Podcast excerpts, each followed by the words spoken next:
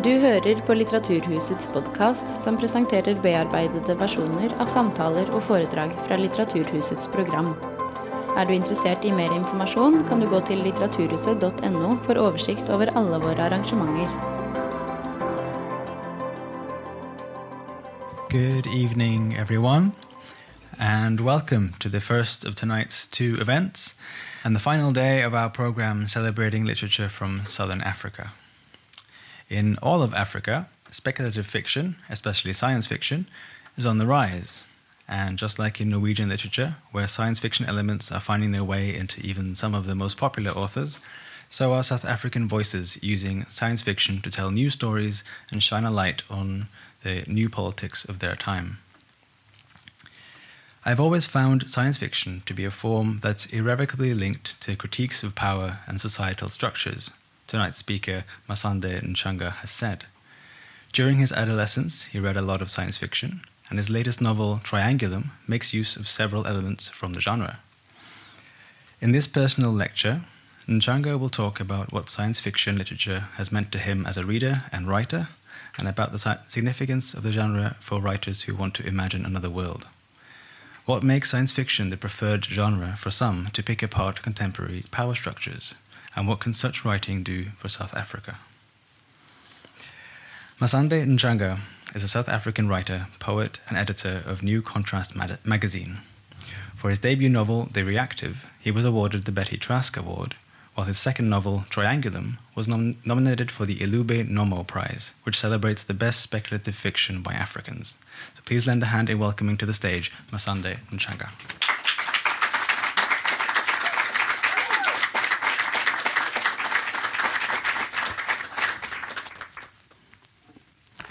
Thank you, Daniel, and thank you, everyone, for attending. I really appreciate it. And tonight I'll be delivering the lecture and also um, reading excerpts from my second novel, Triangulum, as well as um, Native Life in the Third Millennium, which is a chapbook that is published from my own experimental press that I established in 2020. I would like to start by saying that when I began writing my second novel, Triangulum, um, a speculative work that also interacts with historical fiction, the mystery genre, coming of age, and even the spy thriller. Mixing science fiction with philosophy and South African history, not only making references to the Ciskei homeland or the Bantustan, but also to video games that I loved as a child, such as The Legend of Zelda, Link's Awakening, and Final Fantasy VII, where I first encountered um, eco terrorism, actually. Um, this is all to say that I didn't know that it would lead me down a path that would have me standing here um, before you in Oslo, Norway. To me, it was um, an idiosyncratic project, somewhat eccentric, and not only meant to reintroduce imagination and play back into my work as um, a realist writer, someone who'd written a novel, um, a debut novel, that was regarded by many critics as quite harrowing because of its um, subject matter, even though they praised the language. Um, and it was a difficult book to write. And I was interested in the idea of reintroducing um, fun back into my process. Um, this idea of fun as well was something that was juxtaposed with an understanding that I wanted to write about a little explored part of South African history, which are the homelands of the, the Bantustan system. And it was a painful part of my background as well. And so it made sense for me to kind of encroach it with this playful, imaginative aspect of science fiction. Um, alongside how difficult the material was. You know, um, reliving not only the atrocities of what would essentially end up as the Bisho massacre, but also um, coming to terms um, with the conspiracy of silence in the community, you know, and the shame of people who had no choice but to collaborate uh, with the apartheid regime as um, civil servants in the homelands. so, in a way, the project, my second novel, Triangulum, was to reckon with this painful past that had hemmed in my childhood um, in the late 80s and early 90s. So, that it has found resonance in a country as far as yours um, is not only something that I'm grateful for, but something that also reinforces this idea that um, those of us in the global south, you know, in the underdeveloped world, as it were, are indeed encroaching on, or perhaps even living in the dystopia that our current uh, world order lives in fear of. I want you to take, for example, my creative writing students who work from the most impoverished province in the country and routinely have to miss class because there's no electricity or water. Or this other student that I had from Nairobi who taught me that while industry leaders were jetting around the world to attend conferences on global warming, in Kenya, more and more girls were being withdrawn from school, denied an education in order to travel farther and farther to draw water for their families. She spoke of how this phenomenon was changing the social fabric of those communities for the worse and would have repercussions for generations going forward. Indeed, in our class, climate casualties were not a speculation or a terrifying feature for the future, but instead a present feature of realism. In fact, as I've engaged more with science fiction or speculative fiction, I've come to the realization that dystopia, one of its most predominant tropes, cannot only be found in our past in terms of how colonization, an alien invasion of a kind in itself, led to an experimental scientific system of technocratic oppression, such as apartheid, where the human being was reconfigured from what we knew as natives as umntu, or a person, into a unit of labor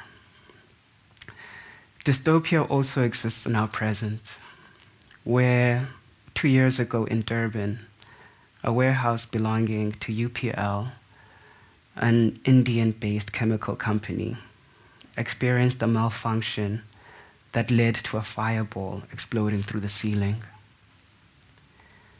This warehouse held millions of liters of insecticides and crop solution products far above the legal limit which rained down on the surrounding land and bodies of water.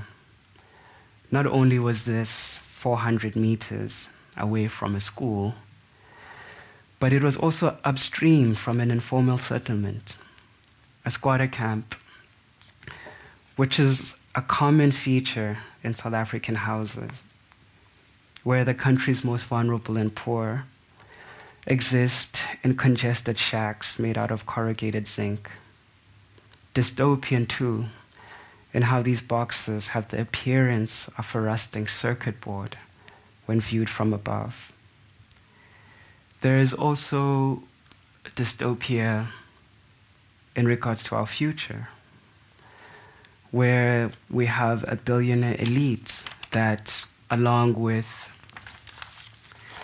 an increasingly conservative government, um, lobbies to lessen regulations in order to mine uranium, for example, or introduce fracking to the vast basin of natural gas underneath the Karoo, which would leave further damage for generations to come. This is all to say that these dystopian scenarios, which easily find a home in science fiction, are not only realities where I come from, but are also what I've inherited as a writer.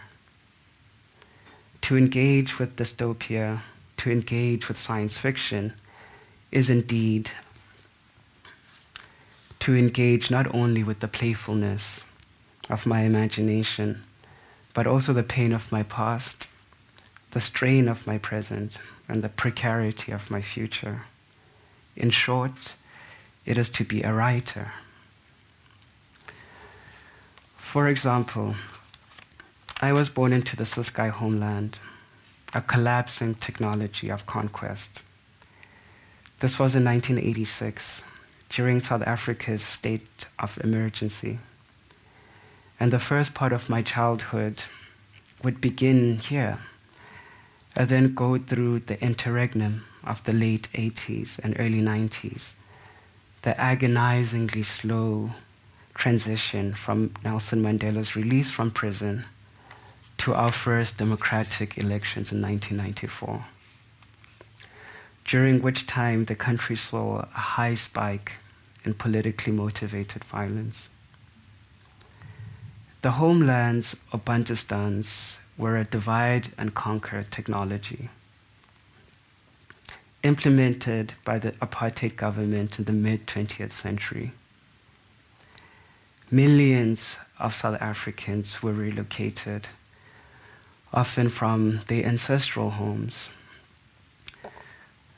to, from what was then regarded as white South Africa, and sent to labor reserves, areas de- designated as homelands and Bantustans, a system of segregation structured along ethnic lines, which till this day um, has cultivated tension between groups.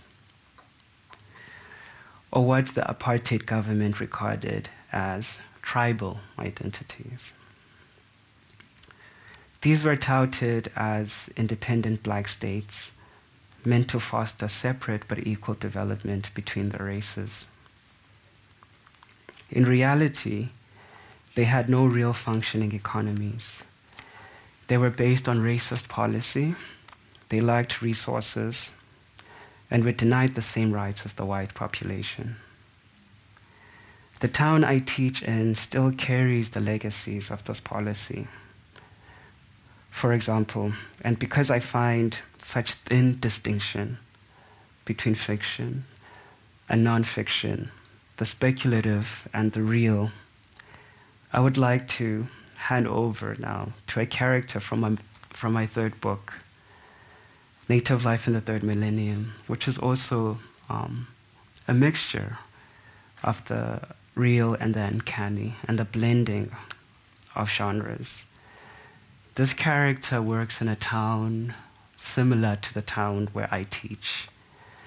Um, he's also a writer and these are some of um, this character's remarks as far as how they experience um, the legacy of the homelands.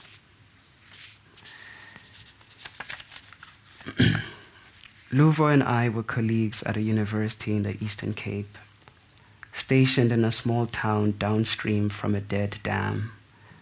This was during the tenure of a senior official who had funneled a fortune's worth of donations into a private bank account, splitting it between members of staff.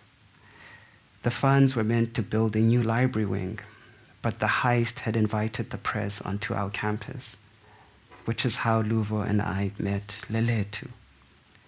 There'd been a meeting in which the senior official's name hadn't been mentioned, but instead, we'd all been coerced into a plan of tactical evasion. It wasn't uncommon. Our dean had a daughter at the hospital with a failing lung, and she had been implicated in a scheme before. Most of us had seen the inside of her house. I had a lecture, two tutorials, and the third of a seminar on Mabogo Percy More to write. Then I drove to meet Luvo at one of the two bottle stores we had in town, next to the butcher's, and parked across a forecourt that was thinning to dust. From behind the wheel, all the buildings looked half built. The disrepair wasn't pronounced as much as it was a feature of the region, connecting the buildings on the campus to hospitals and schools.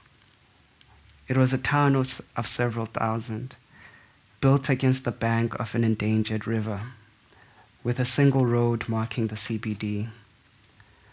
During apartheid, the province had been divided into two homelands, both of which had formed part of a larger mass spread across the republic, meant to accommodate native men, women, and children, cramming 75% of the population into 13% of the land. Under industrialized and overpopulated, the homelands were quick to give in to poverty and environmental degradation, both of which would persist far into their future. I got out of the car and looked for Luvo. Factories stood abandoned on the horizon, their windows shattered. Men lined the street corners, shaded under trees, waiting for work as women hawked wares on cardboard tables, seated on plastic beer crates, taking cover under awnings and faded parasols. In between them, children returned from school holding hands, dressed in sun washed uniforms, relieved to be released from the confines of crammed and collapsing classrooms. The survivors of the homelands were now at the helm of our government, manning a machine built to concentrate power in the hands of the few. And their performance at it was dismal, Luvo said reeling from the trauma of colonial contact, which was now manifest in them as fear and avarice. In the previous month, a municipal manager had been arrested, slithering out in full view of us townsfolk. The man had been tasked with surfacing the roads, but instead had hired associates, charged an additional million, and left the work undone. The 10 million rand allocated to the budget was declared lost, leaving the area as it was. Luvo stood over the dust, waving his arms at me. There were children bouncing on a worn tire next to him, laughing.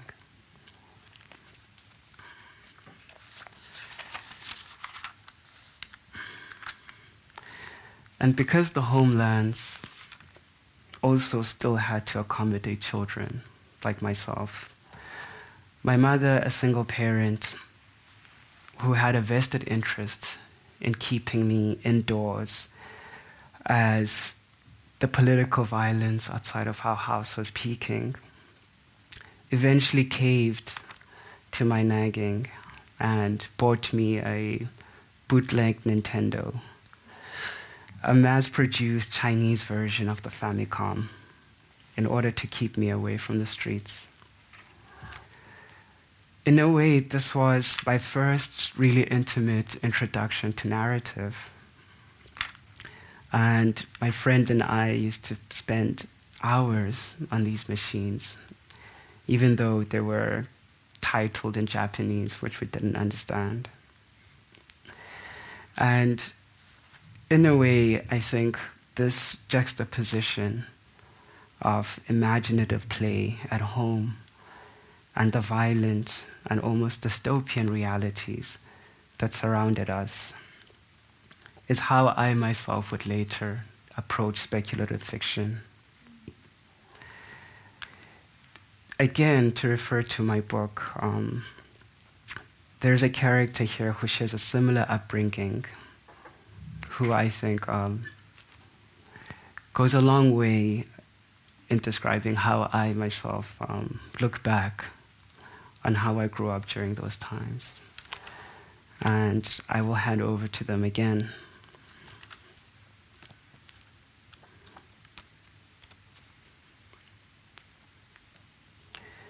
Ever since we were children, growing up in the Ciskei, we'd both nursed a libidinal hunger for machines, our first love being circuit boards. Pixels were intoxicants.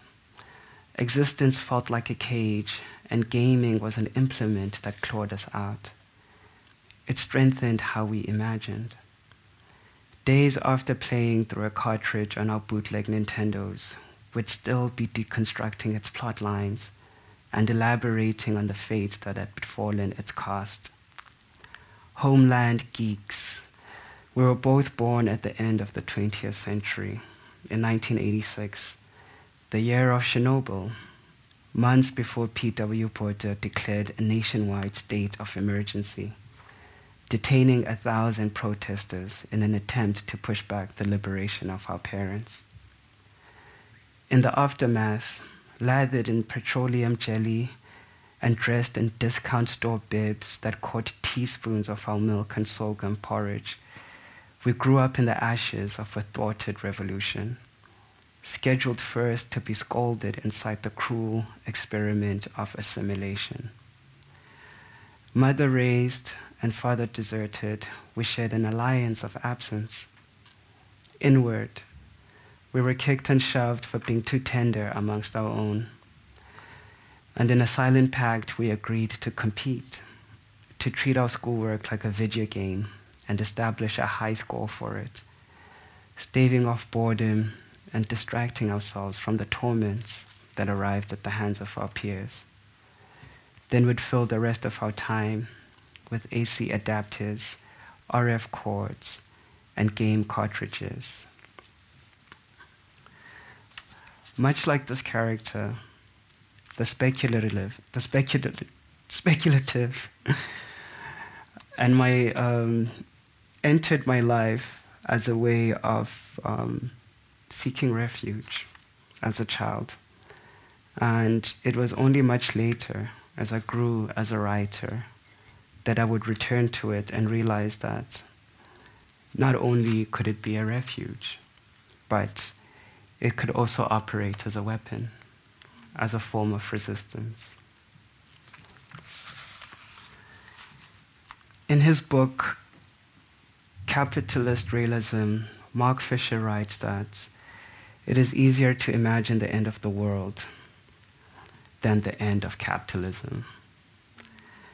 Even though this quote captivated me during the writing of my second novel, which speculates and elaborates on the harm of late stage capitalism in South Africa, making an educated guess, I like to believe, about its trajectory all the way up to the year 2035 and beyond.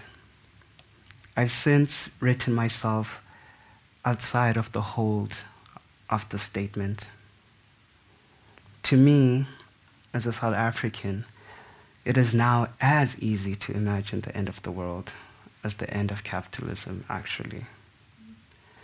I've come to believe that they are one and the same, meaning capitalism, the dominant order and the logical conclusion of our hierarchical civilization, which is how we imagine the world, has to end, which means the world itself has to end.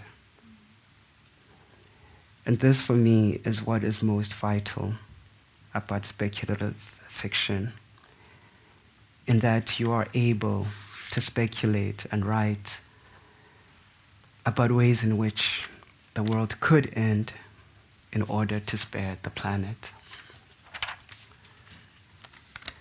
This is especially the case in the hands of an African writer, I believe. And in this sense, there are multiple ways in order to do this. The first is questioning, to begin with questioning. As I wrote my second novel, one of the primary questions that arose was whether or not I knew, if I were to be asked, how humankind should proceed. And for this interrogation, I created two groups who had a similar end in sight but very different approaches. The one group was called the tank, and the other group was called the returners. The returners are anti technology. They believe that the industrial revolution was a grave mistake for humankind.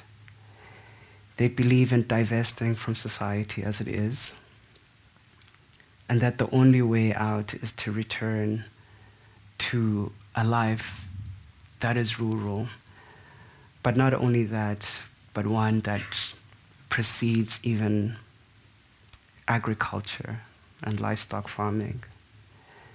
The tank, on the other hand, are a group of hackers who believe in infiltrating and subverting the system from the inside. And as I was thinking about this, I thought about the, the, the things that these groups had in common and how they also differed. And if I were to put them in a group together, what kind of conversation um, would emerge? And this is part of what I appreciate about speculative fiction. And you'll see later um, when I draw up a philosophical parallel to this problem that you're able to dramatize um, or illustrate certain ideas through dramatic uh, incident. Um,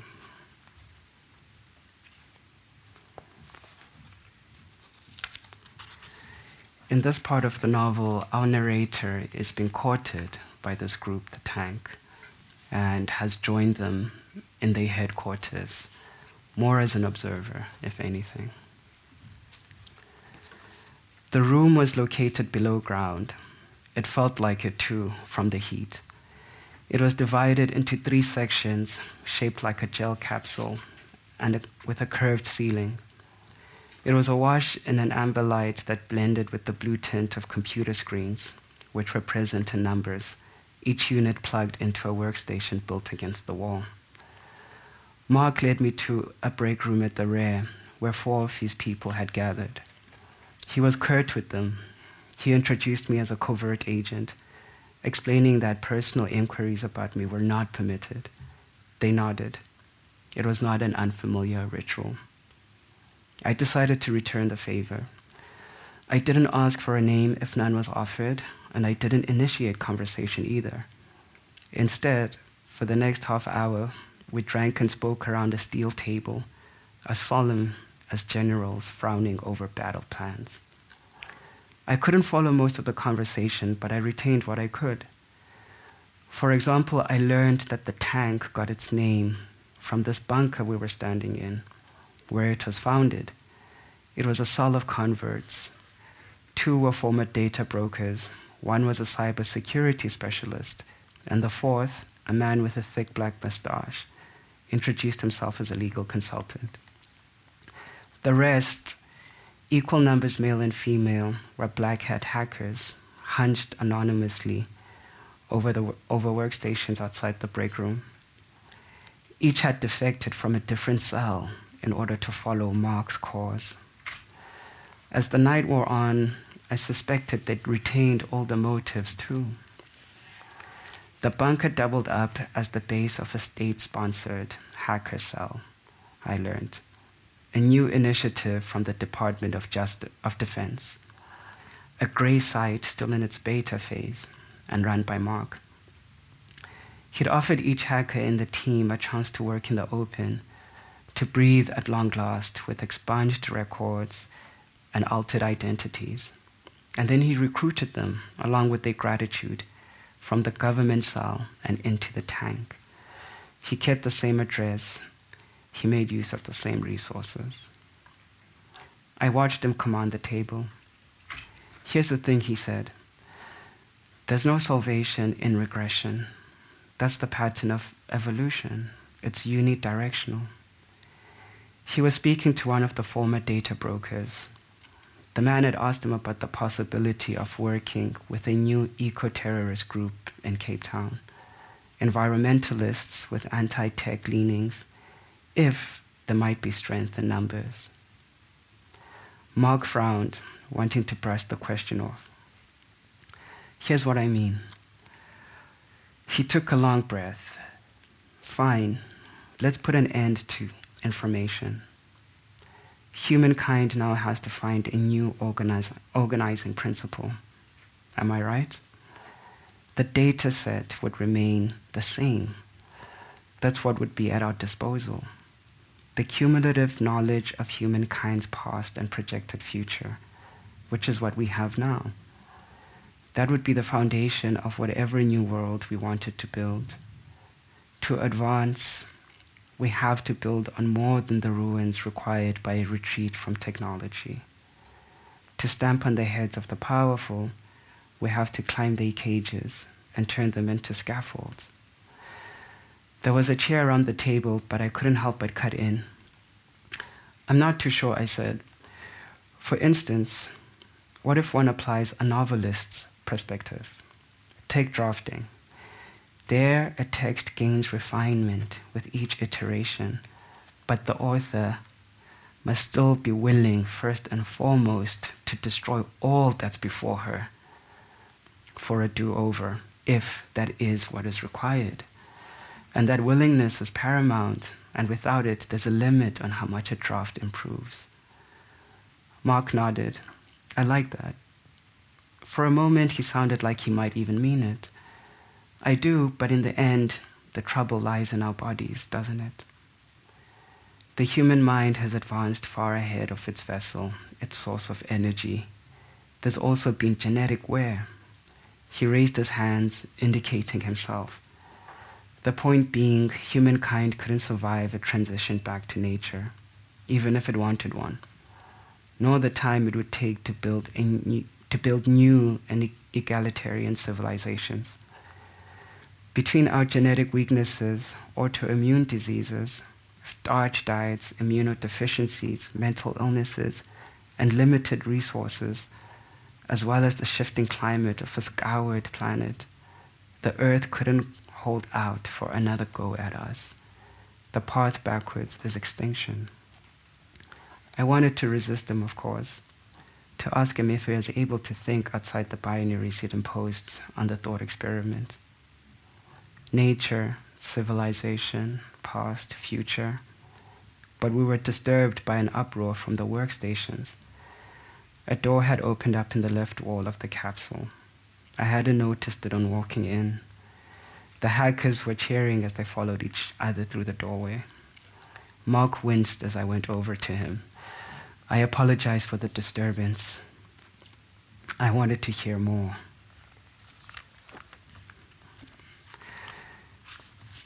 As I mentioned earlier, this, of course, is an argument that exists even outside of traumatization in philosophy.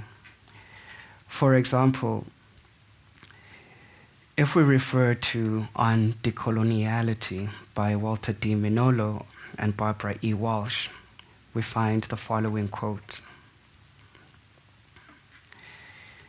If another world is possible, it cannot be built with the conceptual tools inherited from the Renaissance and the Enlightenment. It cannot be built with the master's tools, as Audre Lorde reminded us a number of years back. For the master's tools will never dismantle the master's house. They may allow us temporarily to beat him at his own game, but they will never enable us to bring about genuine change. However, Lewis Gordon and Jane Anna Gordon offer a different stance on the same problem. Not only with the master's tools, they argue, slaves have historically done something more provocative with such tools than attempt to dismantle the big house. There are those who used those tools, developed additional ones, and built houses of their own on more or less generous soil. It is our view that the proper response is to follow their lead, transcending rather than dismantling Western ideas through building our own houses of thought. When enough houses are built, the hegemony of the master's house, in fact, mastery itself, will cease to maintain its imperial status. Shelter needn't be the rooms offered by such domination.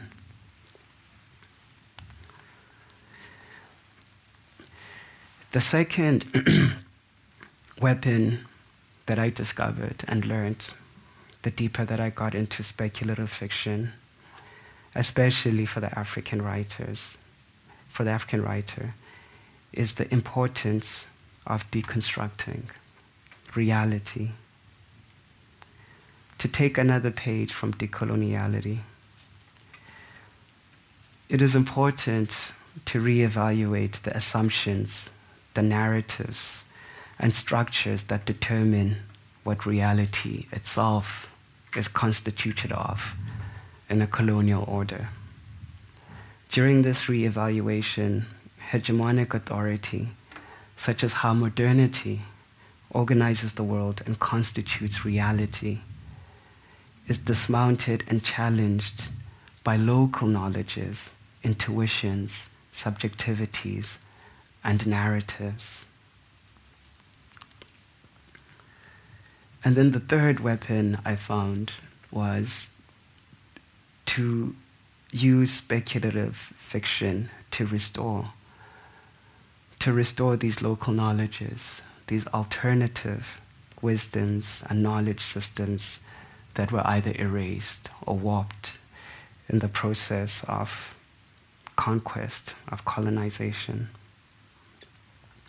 To quote from the above scholars, the search of equilibrium and harmony are fundamental concepts in indigenous philosophy from ancient times to today.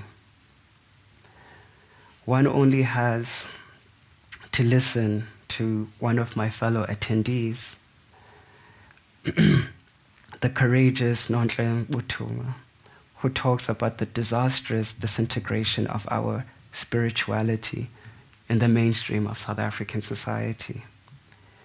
How our distance and alienation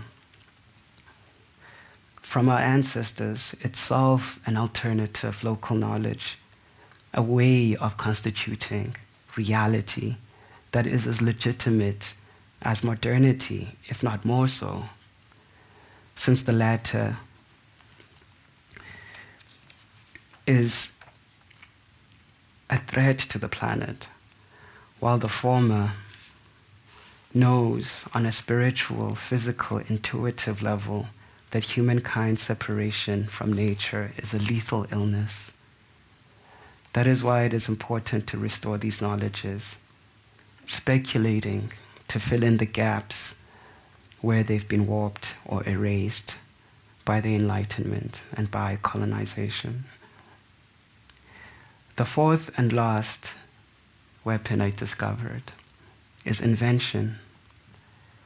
To apply new and alternative modes of thinking or philosophical technologies. These could be anything from what I believe to be Nelson Mandela's unmatched humanism to Steve Biko's deceptively simple but highly efficient technology of black consciousness. And as a way of closing, and as a way of also illustrating this point, I will once again refer to a character from my third book, Native Life in the Third Millennium.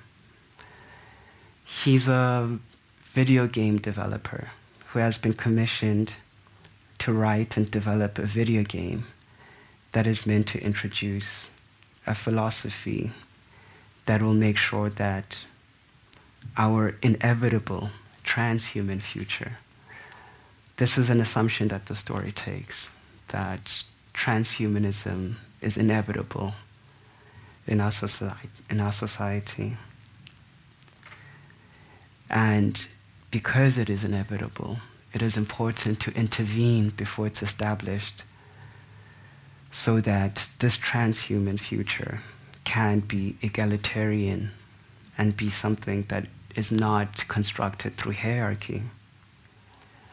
In order to do this, the video game developer has to infuse the game with Ubuntu, a pre colonial philosophy or technology that encompasses the idea of human connectedness and community, emphasizing a universal bond between all of us and emphasizing compassion and empathy for others. This world is destructing, the engineer said, looking out of the window. The car approached an intersection and two women crossed, staring into the windscreen over their surgical masks. However, it is not the end, it's also the start of things. The following age will be modulated through Ubuntu, liberating the last of humankind to exist in a hierarchical civilization. The game is a tool. In service of Ubuntu, I asked. He shook his head. No, Ubuntu is instrumental, but our destination is further down the line. His driver led us into a tunnel, and I leaned back as the world darkened. I asked him what the destination was. Humankind's transition into the transhuman, he said. The transhuman cannot exist outside of Ubuntu, of course, which is the antithesis of the colonial order. Horizontal and interconnected, within it, one gains their humanity, their being, through others gaining their humanity, their being, which is needed for the simulation. But getting to the transhuman itself is the destination. The transhuman, I asked. The existence of human consciousness outside human bodies, he said, before he turned back to the window. The tunnel light glinted orange against his profile. It's inevitable.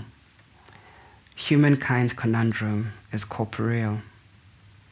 Two things are immutable about us as living, breathing organisms the first is that we herd, and the second is that we perform our most decisive action, the thinking that germs out into wars and epochs from the pits of our bellies between fear and appetite.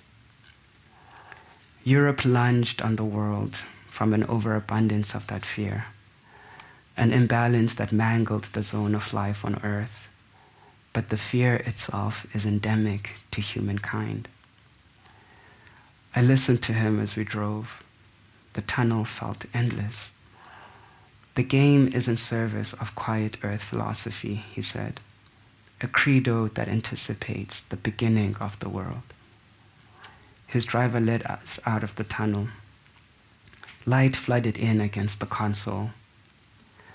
Quiet Earth philosophy understands that in order to survive, humankind will have to evolve to forfeit corporeal existence and continue on as a simulation of consciousness, hovering over a quiet Earth of transistors, powered through the planet, as is suggested in mainstream transhumanist literature. The cause for the transition isn't known. Earth could be uninhabitable or it could be evolution. In the meantime, Quiet Earth philosophy anticipates the event as inevitable. It aims to both safeguard humankind's transition into the transhuman and to install an egalitarian code in how we form institutions in the transhuman future. Through accelerating Ubuntu, I asked. That and further, Human consciousness is trammeled inside the human organism, he said. Liberated, it's expected to thrive, but not that alone. It will also relieve the planet of our bodies, whose fears and appetites have grown into a malignant force of nature. That's the germ of Quiet Earth philosophy. If the idea is seeded now, we believe it will flower on its own amongst post human philosophers in three centuries under a different name and will culminate in a movement to rehost human consciousness inside synthetic brain tissue, safeguarding a second transition, the return of the reconfigured living, breathing organism. Three centuries, I asked, four consecutive lifetimes. It isn't that long. Regardless, how is it possible to tell? I asked him, even with the wound. He went silent.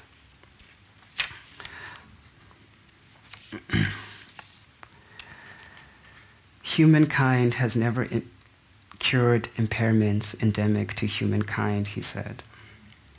Instead, it's learned to live around them, evolving in that manner. I didn't disagree.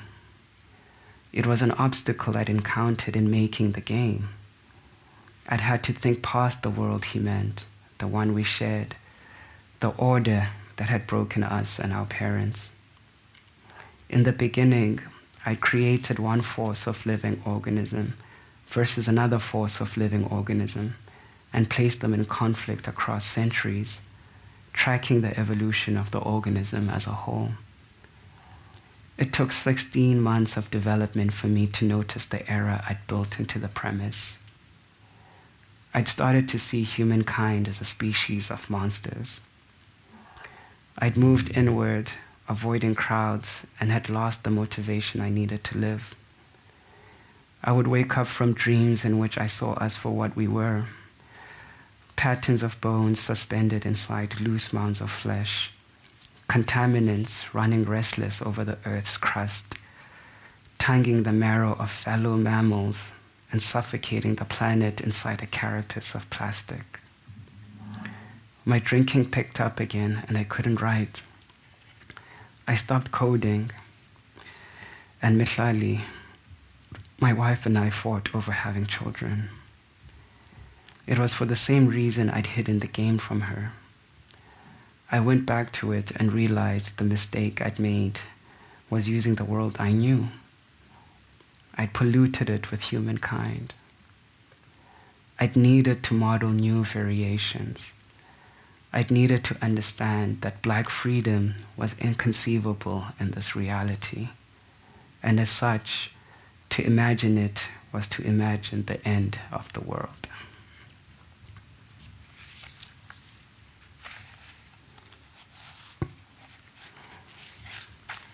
And once I reached that point in my thinking and my writing, and began to consider the viability of the end of the world.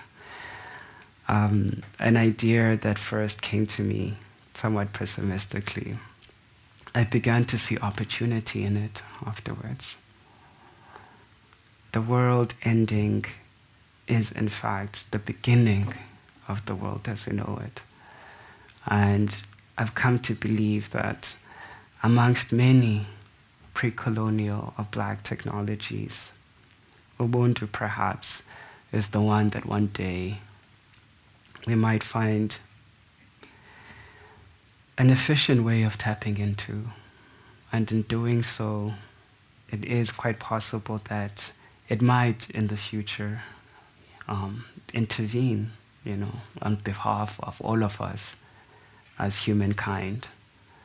And to be able to entertain those ideas, to dramatize them, to to think, to find other philosophers, and to compile them into works that both entertain, um, provoke thought, but also do not let go of sight of the importance of the human being and the human being's connection to nature is what I would say defines my uh, relationship with speculative fiction in the end. Thank you.